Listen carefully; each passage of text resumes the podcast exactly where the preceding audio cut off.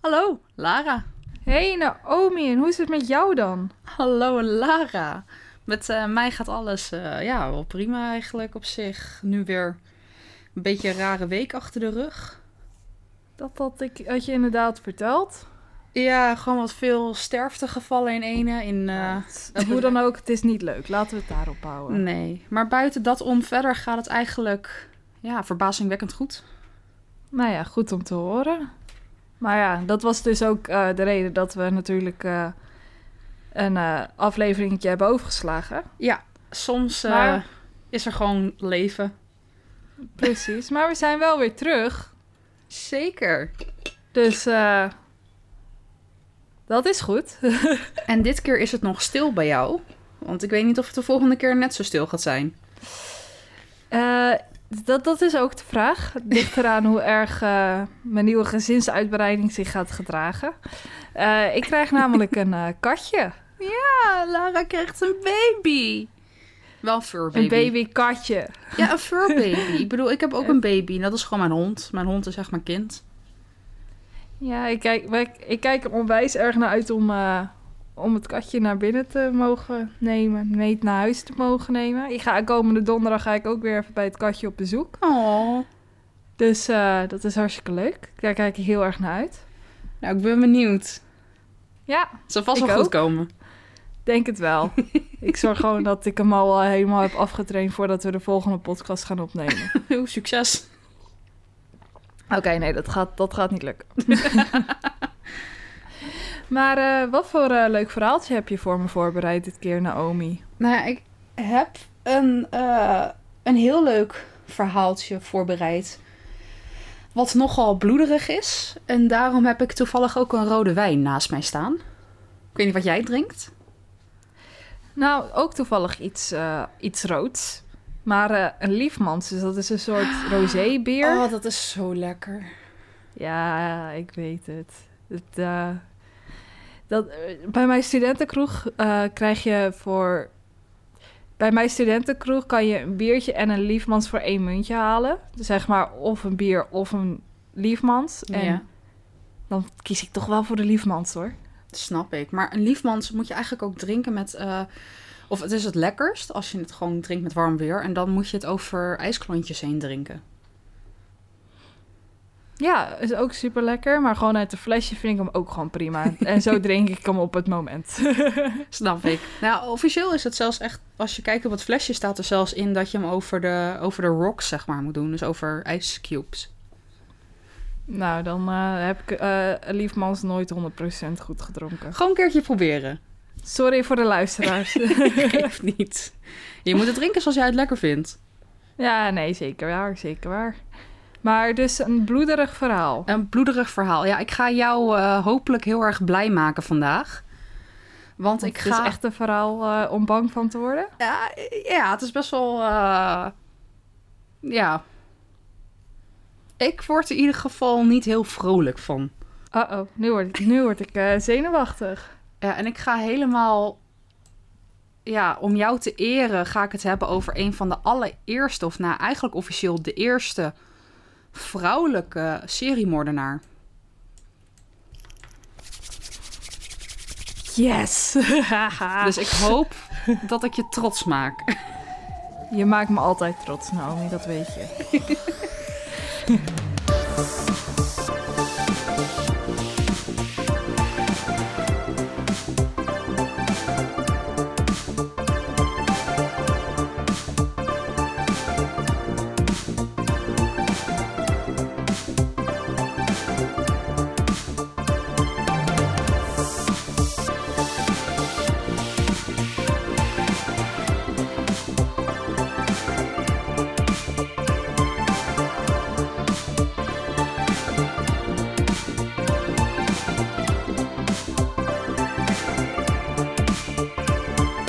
lekker zitten. Pak er een glas wijn bij of wat anders te drinken. En geniet van de spannende verhalen die worden verteld op deze podcast. Ze zijn echt om bang van te worden. Wauw, dat was echt heel slecht. ik, ik, ik, ik trommel even terug. Dankjewel. Ja, ik, ik, ga, ik ga alvast in ieder geval zeggen... eh, het spijt me heel erg als ik bepaalde namen niet goed ga uitspreken. Weet je nog de podcast met de seriemoordenaars en hun laatste maaltijden? Ja, maar dat... Ja, Dat zei ik ook niet allemaal even goed. Gewoon eh, heel veel Engelse namen. Ik weet niet wat voor namen het zijn, maar heel veel namen zijn gewoon heel lastig uit te spreken. nou, Dus ik ga nu naar het Hongaars toe, dus... ik wens je succes. Ja, dankjewel. nou, we gaan het hebben over een vrouw. Wat ik al zei, eh, je kan nu clues vinden. Ze is Hongaars. De allereerste seriemoordenaar. Misschien weten een paar mensen al waar, ze, waar, we, waar ik het over ga hebben. Eh, het is wel grappig, want dit verhaal kende ik zelf nog niet. Maar een kennisje van mij, die wees me op dit verhaal. En toen ben ik hierin gaan duiken. En toen dacht ik wel echt van, wow, dit is wel echt heel interessant ook om te gaan vertellen. Oeh, dus een kennis heeft jou deze tip gegeven om het bij de podcast te gaan vertellen. Ja, en dat was echt letterlijk dat wij de podcast net waren begonnen. Ik denk dat wij twee afleveringen hadden gedaan. En toen zei diegene al, hey, deze persoon, hou die even in je achterhoofd. Het is leuk om hier wat over te vertellen. Tijdens je podcast. Ja, Nou, dus dat eh, heb ik eh, zeker in mijn achterhoofd gehouden. En nu wil ik er heel graag over vertellen. Shout-out naar diegene dan. Ja. Thanks. Dus dat is echt, eh, ja, super tof. Maar eh, ik ga het hebben over Elisabeth Bathory. Weer een Elisabeth. Ja, ik weet niet, zit in de naam, denk ik. Ja, blijkbaar. En wat ook wel grappig is, ze is geboren op 7 augustus 1560. En ze is dus een leeuw van sterrenbeeld, net zoals mij. Naomi, wat ga jij in de toekomst doen? Nou ja, ik hoop niet dit. vermoord mij niet. voor de rest, vermoord mij en mijn vriend niet. Hey, hey, hey, Zo. niet alle leeuwen zijn meteen gewelddadig. Ik bedoel, ik weet niet wat voor sterrenbeeld Ted Bundy was. Maar ik denk geen Oh, leeuw. dat, zou ik, dat zou ik ook moeten opzoeken, als ik eerlijk ben. Eh, dus dat ik, ik weet net aan welk sterrenbeeld ik zelf ben. Dus, Nou, wat ben en je? dat is een, ik ben een tweeling. Oh, Ik heb gewoon een twee persoonlijkheden, dus eh ja, dat verklaart veel. Grapje. Nee, maar ik vond het wel grappig. eh, want ze is echt maar, ja, in dezelfde maand geboren als ik. Alleen al eh, heel veel jaar van tevoren. Maar... Ja, precies. Maar in ieder geval, ze is dus geboren op 7 augustus 1560. En ze was een Hongaarse gravin die in kasteel... Nu moet ik dit goed gaan uitspreken, want dit is vrij lastig. Cheste? Chester? Ja, Cheste. Het is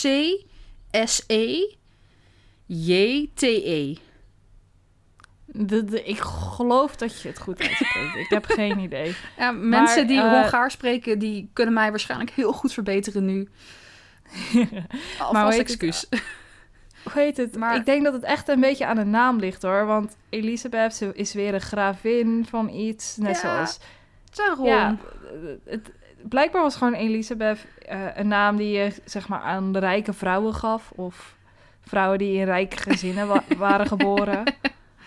Die macht hadden. Maar ze was Vandaar dat ik die naam niet heb, eh, Naomi. Mm, Nee, en ik ga ook mijn kind zeker niet Elisabeth noemen. Nou, aan de andere kant, ik wilde dat vroeger wel altijd, maar nu begin ik toch te twijfelen. Ik vind het om eerlijk te zijn ook wel een, zo, best wel een hele... Beetje te populaire naam, denk ik. Ja, aan de ene kant ook weer niet, want tegenwoordig is het niet meer een populaire naam. Alleen vroeger. Ja, maar iedereen die, die heeft al wel van de naam gehoord. Dat is er zeker. Nou ja, alle andere namen die ik heb voor mijn toekomstige kinderen, die zijn ook wel vrij bekend. Ah, eentje niet. Maar die ga ik niet Ik heb verklappen. alleen... Ha. Ik heb alleen... eh, ik, had, ik had ooit een keer een namendag voor mijn... eh, als ik ooit kinderen zou krijgen. Maar eh, zo heet dus het neefje van mijn vriend. Dus dat schiet ook niet op. nee, dat is ook niet handig. Maar Dus, we, eh, we dat was een beetje naam. af. We dwalen heel erg af. Ik, heb alle, ik wil er nog één ding toevoegen. Ja. Ik heb alleen namen voor mijn toekomstige katten. Telt dat ook? Oh ja hoor, dat zat ook. Oké. Maar in ieder geval, zoals dus een gravin in kasteel... Ik ga het nog één keer zeggen, proberen te zeggen in ieder geval. Cheste. En dat was bij Terrans. En dat is nu het huidige Slowakije. Oké. Dus het was een Hongaarse gravin, maar het is nu Slowakije. Ja, dat is zeg maar de, de, de plaats waar zij vroeger in woonde. Daar stond een kasteel. En dat is nu Slowakije. En dat heette vroeger anders. Weet je dat heel toevallig? Of dat kasteel nog te bezoeken is voor eh, mensen? Eh, nee, het is eh, best wel heel erg platgebrand. Oh, dat is jammer. En verwoest in... voor 2000 het jaar in ieder geval. Oh. wat jaren terug. Misschien zijn er nog wel wat ja, oude delen over. Maar het is niet bepaald meer te bezoeken, nee. Ja, maar anders hadden we dat ook al bij onze eh, trip aan kunnen sluiten. Ja. Maar helaas, nee. Maar ik weet ook niet of je dit kasteel zou willen bezoeken. Want ik vertelde zo meteen wat meer over. En dan... eh, Nou ja, ga verder met je verhaal. Ik leid je te veel af, denk ik. Nou, Elisabeth die heeft ook nog één broer en twee zussen. En zij waren eh, nou ja, de meest rijke en invloedrijke families die er op dat moment leefden. En ze regeerden over Transylvania. Ik weet niet of je daar wel eens van hebt gehoord. Dat is toch die vampierenstad? Inderdaad. Hey, ik wist het. Ik moet wel zeggen, Transylvania zou ik heel graag zelf een keer willen bezoeken. Ja, ik ook. Dat lijkt me wel echt... Hebben we alsnog iets bij onze trip aangesloten, Naomi? Precies. nou, ik ben in hoor. Kom maar op, er wordt een hele wereldreis, joh. Nou, eh, daar zeg ik nooit nee tegen. Zo, ik neem even een slokje drinken. Ja. Maar Elisabeth was een hele eh, slimme dame. Ze was erg goed in wiskunde. Ze sprak vier talen. Dat vind ik eigenlijk best wel veel, want ik spreek niet eens vier talen. Maar ze sprak Hongaars, Latijns, Grieks en Duits. En niet eens Engels. Eh, nee, nee, maar dat, het bedoelt is 1500. Ja, oké. Toen was Engels nou niet een van de meest ja, logische talen om te praten. Je praat eigenlijk alleen maar de talen die, eh, ja, die je nodig had ook om ja, met andere landen te praten. Dus bijvoorbeeld als zij met Duitsland een goed contact had, dan is het wel vanzelfsprekend dat zij ook Duits zou spreken. Maar vroeger in 1500 was vooral het Latijns was eigenlijk het Engels van nu. Ja, ik vind het wel jammer dat eh, Latijns nu niet echt meer bestaat. En ze was getrouwd. Zeg maar, ze ging trouwen toen ze nog maar 15 jaar oud was. Dat is jong. Dat is voor deze tijd, jong. Ja, voor die Voor tijd die niet. tijd- Eh, Voor die tijd valt het best mee, inderdaad. eh, ja. Maar ja, ze is getrouwd met een eh, graaf. En die heette... eh, nu moet ik het ook weer goed gaan uitspreken. Vernik Nasdi. En hij was ook een eh, militair. I salute him. Nou, ik zou het niet doen. Oh, never mind. I take it back. En dat ze gingen trouwen. Er wordt gezegd dat er zo'n 4500 mensen naar hun bruiloft kwamen. Hoezo zoveel? Nou ja, ik ben was... blij als ik 100 mensen kan uitnodigen. ik ben blij als ik er denk ik 50 kan uitnodigen. Maar... ik heb een grote familie, dus ik denk dat dat al scheelt. Ja, dat scheelt zeker. Nee, maar je moet ook, zeg maar, bij hun... Ja, er waren zoveel mensen die erheen kwamen. En ik weet ook niet precies of ze nou bijvoorbeeld bediendes hebben meegerekend. Want als ze eh, bediendes meerekenen en cateraars en alles... dan zit je ook al wel gauw aan 200 man. Misschien wel 500. Ja, oké. Ik bedoel, heb je alsnog 4000, maar zeg maar, hun waren echt de meest rijke en invloedrijke mensen van die hele, nou ja, van, van Transylvania.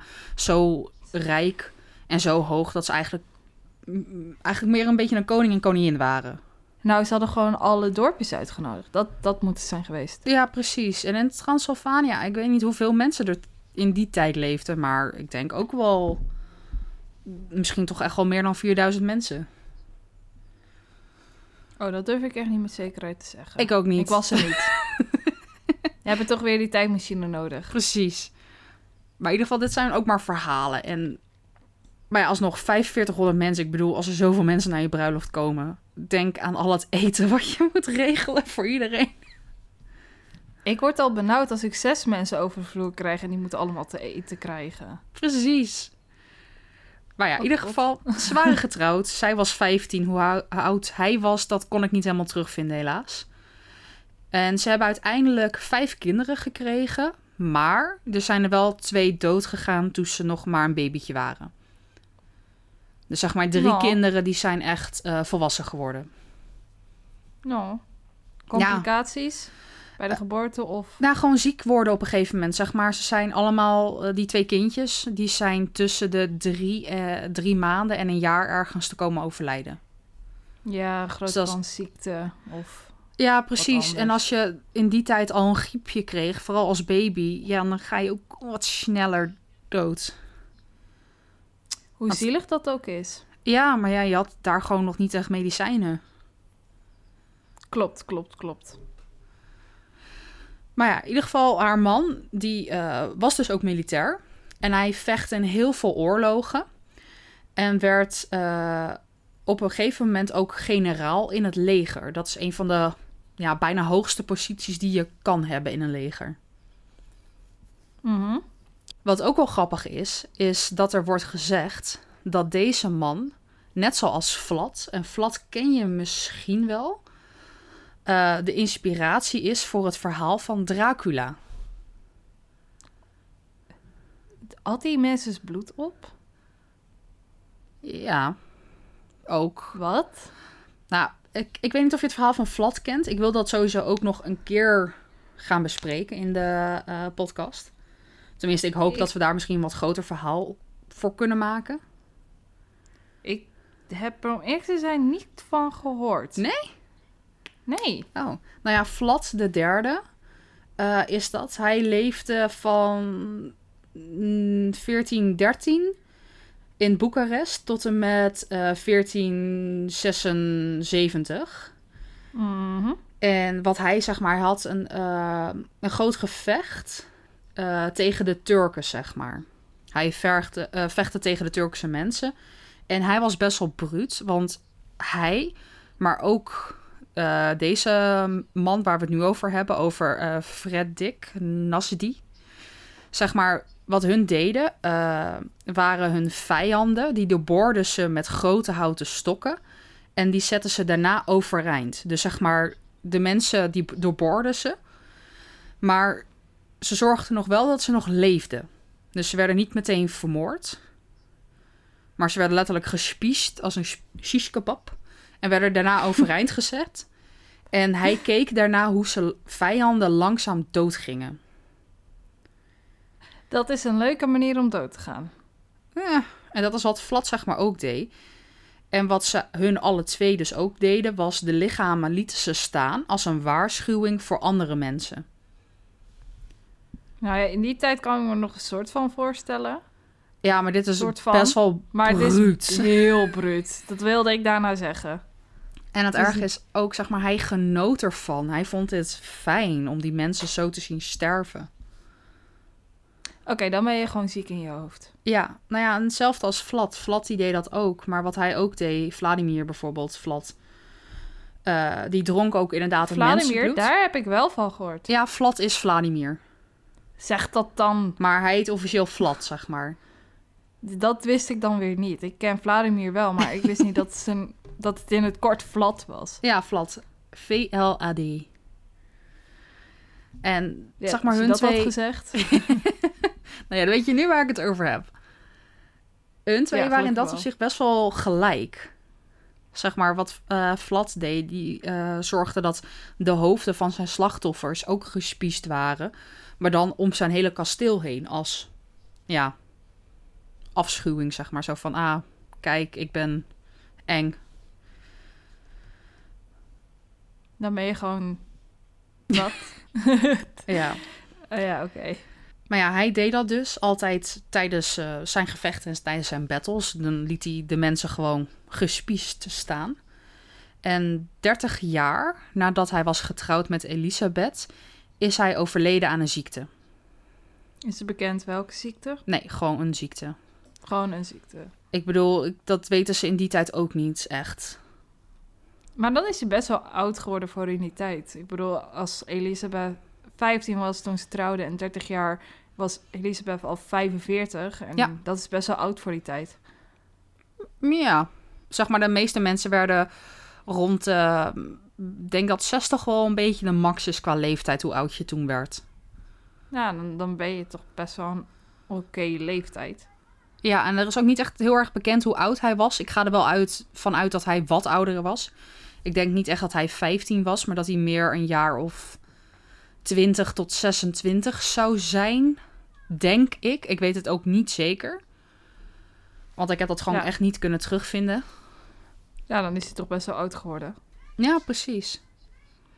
Maar ja, in ieder geval, eh, dat was het stukje over hem. Nu gaan we over naar Elisabeth. Na de begrafenis van haar man ging Elisabeth naar Viana toe om te shoppen. En ze nam ook allemaal bediendes mee die al haar kleding droegen. Ze heeft voor duizenden euro's aan kleding geshopt en alles weer zeg maar mee naar huis genomen. Echt een shoppingtrip to the max, zeg maar. Misschien hoopte ze op een eh, kans op een tweede man. Ja, misschien. Ik weet het niet. en toen ze terugkwam, ging Elisabeth in tegen alle regels van haar land. Hoe bedoel je ging tegen in van alle regels van, haar, van het land? Stelen en al dat soort dingen? In Hongarije was het een traditie eh, dat als je man overleed, dan ging je een jaar lang in een soort van lockdown om te rouwen. Dus zeg maar, je sloot jezelf op in je eigen huis. En je gaat daar rouwen in, ja, zeg maar, dat je echt alleen daar gaat rouwen. Dus zonder dat andere mensen erbij zijn, zonder dat andere mensen het zien. En pas een jaar later, dus zeg maar een jaar na de begrafenis, kom je pas weer naar buiten. Hoe kom je aan eten? Ja, mensen die, die, zeg maar, ze heeft nog steeds bediendes en alles, hè. En mensen die dat regelen voor haar. Maar de Ja, vrouw maar van de man, die moet binnen blijven. Ja, maar ik bedoel, als je niet zo rijk was. Dan had je bediende. hopelijk kinderen en familie en vrienden of een buurman of een buurvrouw. En zeg maar, voor die mensen, als je op het platteland leeft, dan kon je nog wel gewoon op het platteland zijn. Maar het is niet de bedoeling dat je naar een andere stad gaat of naar vrienden toe gaat om daar gewoon letterlijk te zijn. Oké, ik snap hem. Maar dat, dat was een beetje een, een, ja, niet echt een regel, maar meer een. Ja, Iedereen verwachtte wel dat je het deed. Het was een Ja, beetje een ongeschreven regel. Het is gewoon cultuur, zeg maar, van die tijd. Ja, een ongeschreven regel dus. Precies. Maar ja, zij deed dat allemaal niet. Zij ging gewoon shoppen. Zij ging eh, lekker uit en eh die leefde de leven.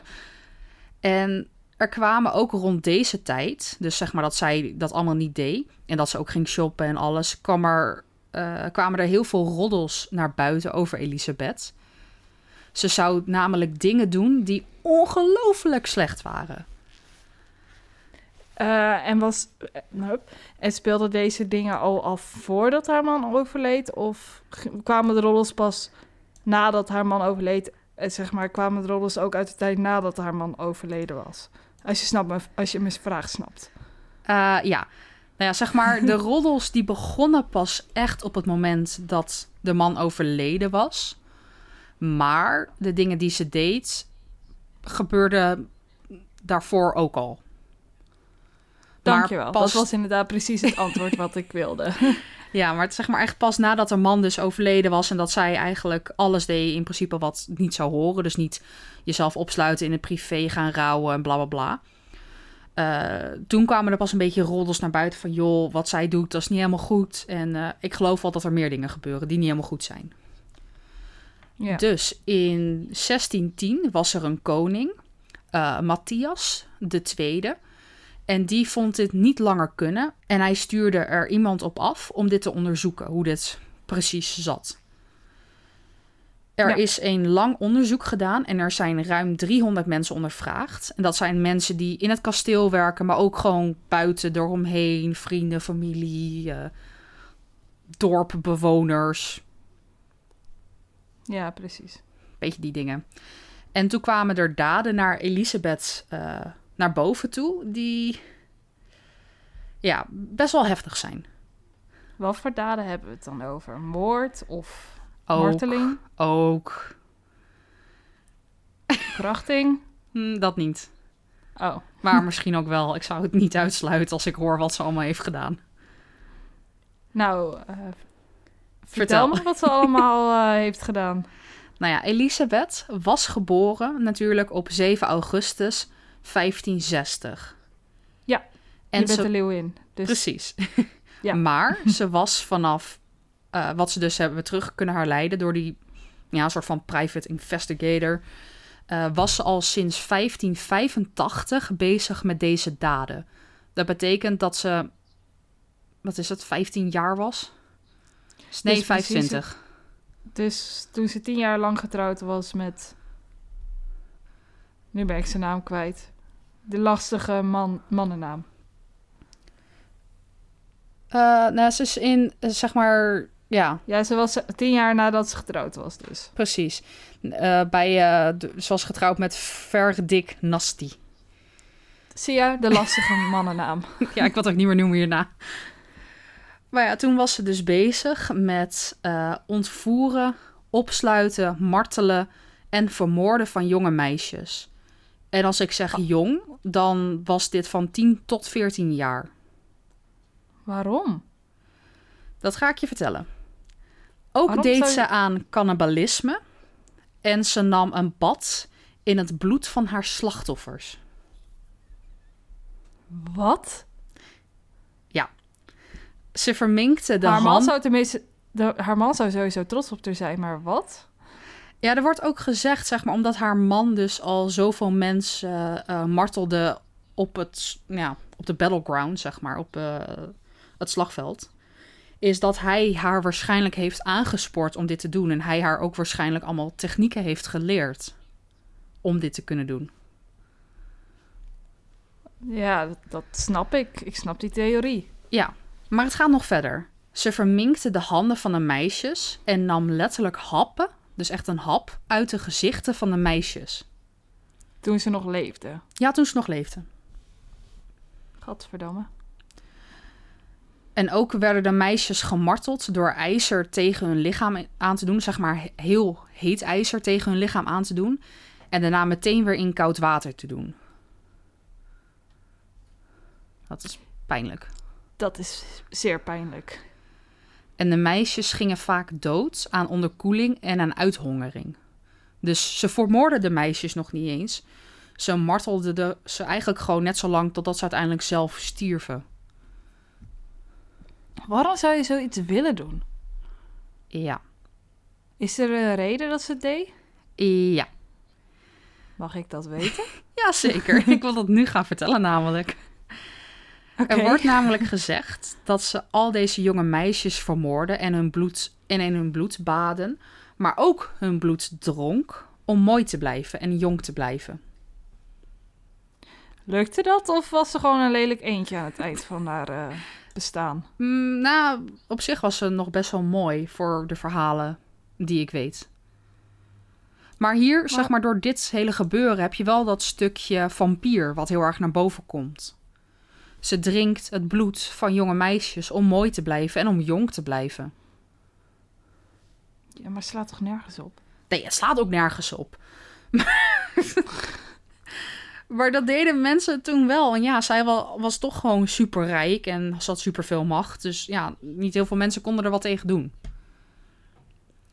Maar hierdoor da- dachten dus inderdaad ook heel veel mensen vroeger al dat zij gewoon echt een vampier was. En nu nog steeds. Mensen die geloven dat nog steeds. En ik moet wel zeggen, ik geloof niet dat ze een vampier is, maar ik weet Wel niet. iets in die trant. Ja, eigenlijk vind ik het verhaal best wel cool dat ze misschien een vampier is. Maar Dat zou best wel een leuke afsluiting zijn van het verhaal. ja, Een soort van, weet je, dan, dan, is, dan is het nog even iets meer te realiseren, om het zo te zeggen. Want als vampier moet je gewoon bloed drinken van andere mensen om het te overleven. ja, Maar ik vind dat zeg maar een. Het is allebei niet fijne gedachten, maar ik vind om het te overleven vind ik mooier klinken dan om mooi te blijven. ja, Het is niet allebei verkeerd, begrijp me niet verkeerd.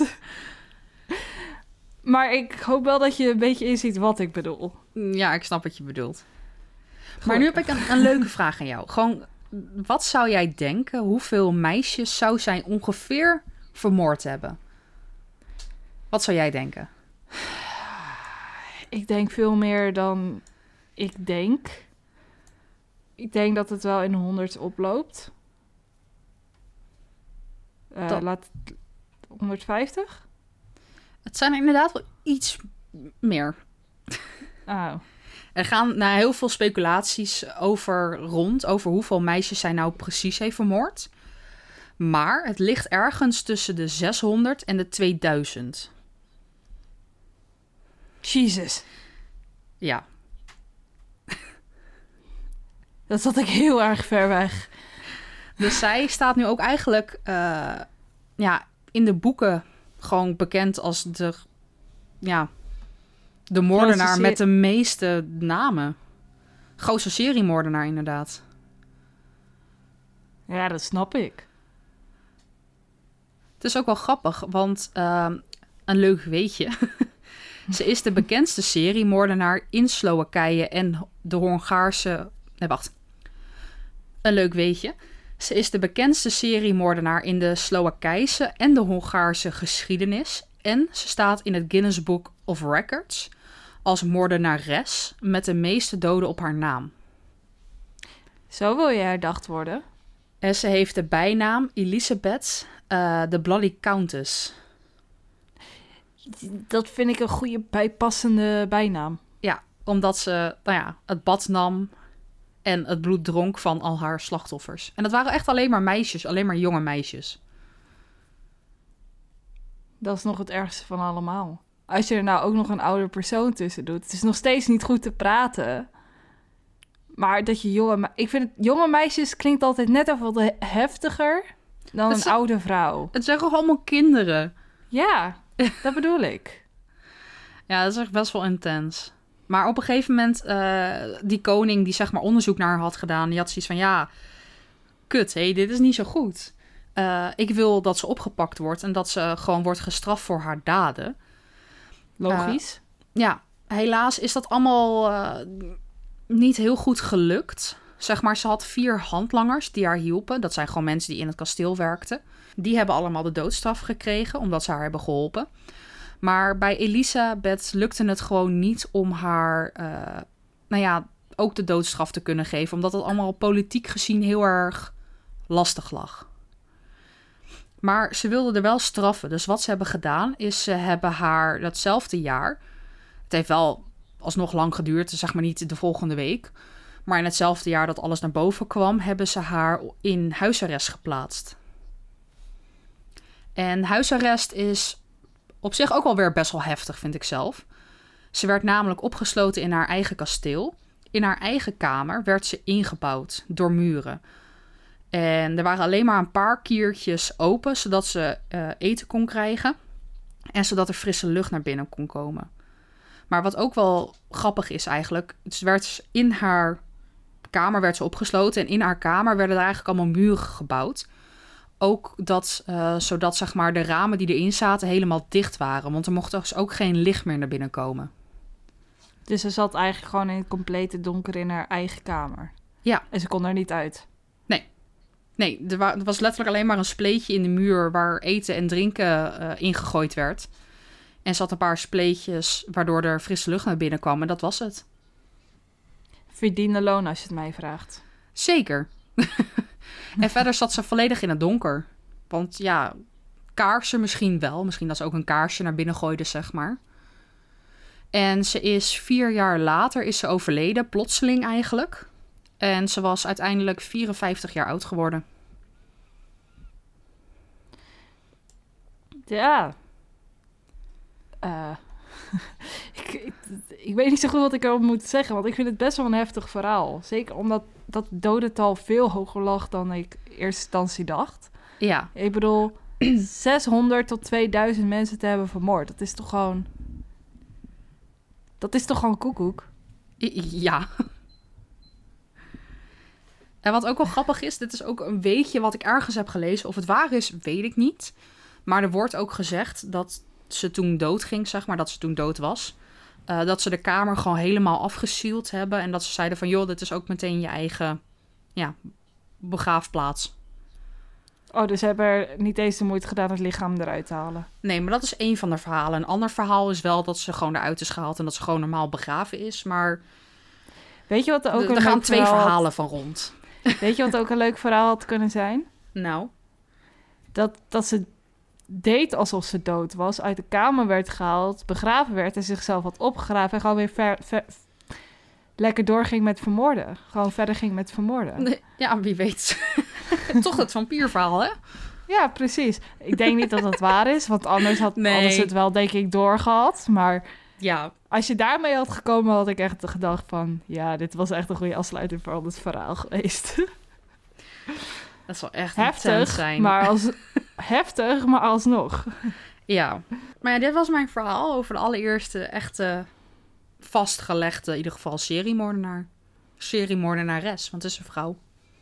Ik ben wel echt trots op je dat je dat verteld hebt. Ja, ik denk, ik ga in jouw spirit voorleven. voorleven. Voortleven. Doorleven. Ik voel- Jeetje. Ik voel me vereerd.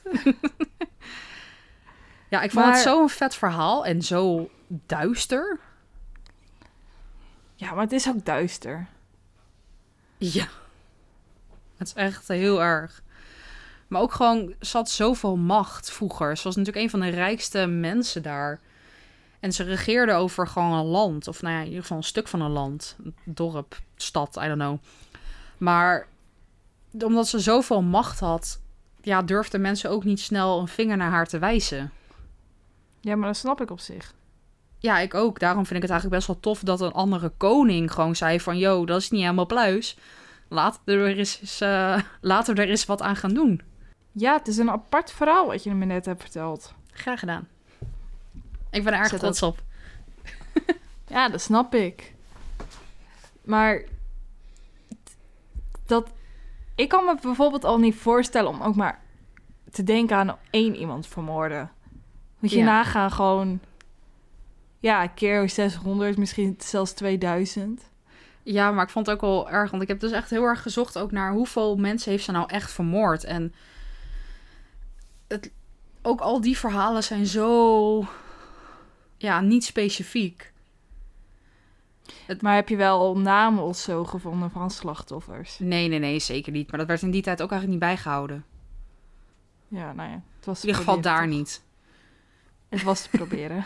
Maar je moet vooral wel denken, die mensen die vermoord werden, zeg maar de meisjes, dat waren echt eh, ja, boerenmeisjes die op het platteland werkten.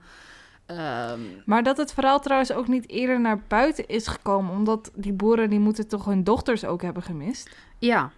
ja, zeker.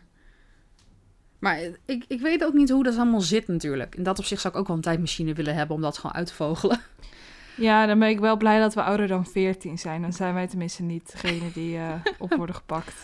Precies. Maar ik denk ook wel dat het een beetje te maken heeft met haar man. Want haar man was natuurlijk best wel een hele enge gast. Die, als jij boos zei, hij gewoon met een spies door je lichaam heen ging... en je dan liet doodbloeden op een spies. Voor je hele familie eventueel nog. ja, Ik denk dat ze het gewoon niet durfde te zeggen.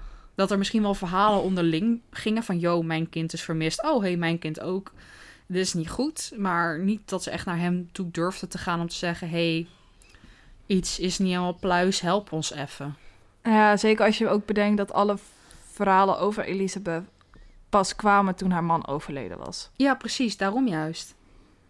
Ik denk daarom dus dat heel veel mensen gewoon ja, te bang waren voor hem. En dat vind ik terecht. Als ik zo al je verhalen hoor.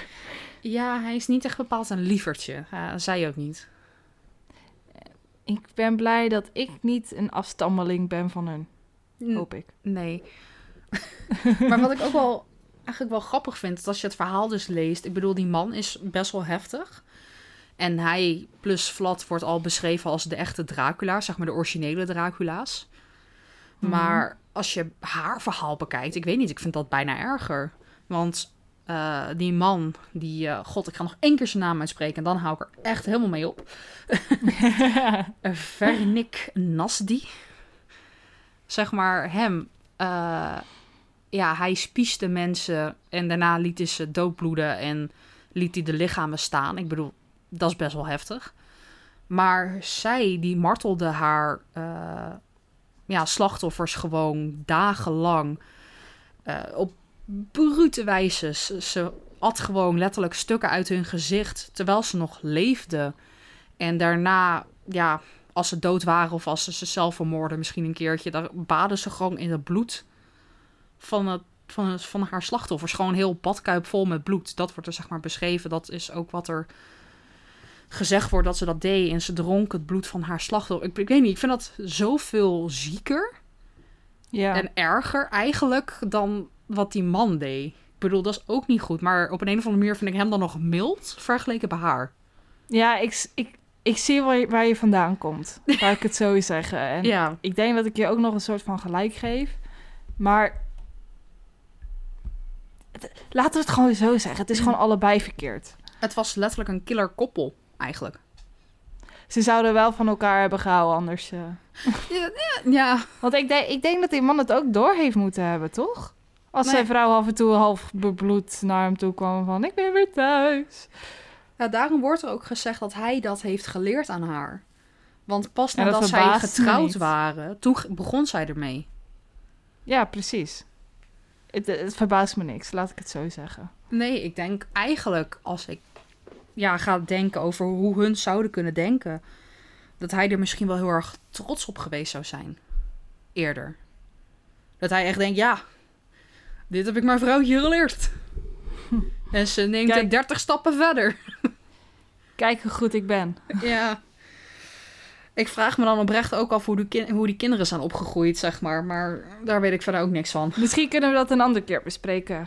Ah, nee, kan niet, want er is niks over te vinden. Never mind, hè. Anders had ik het heel graag willen doen.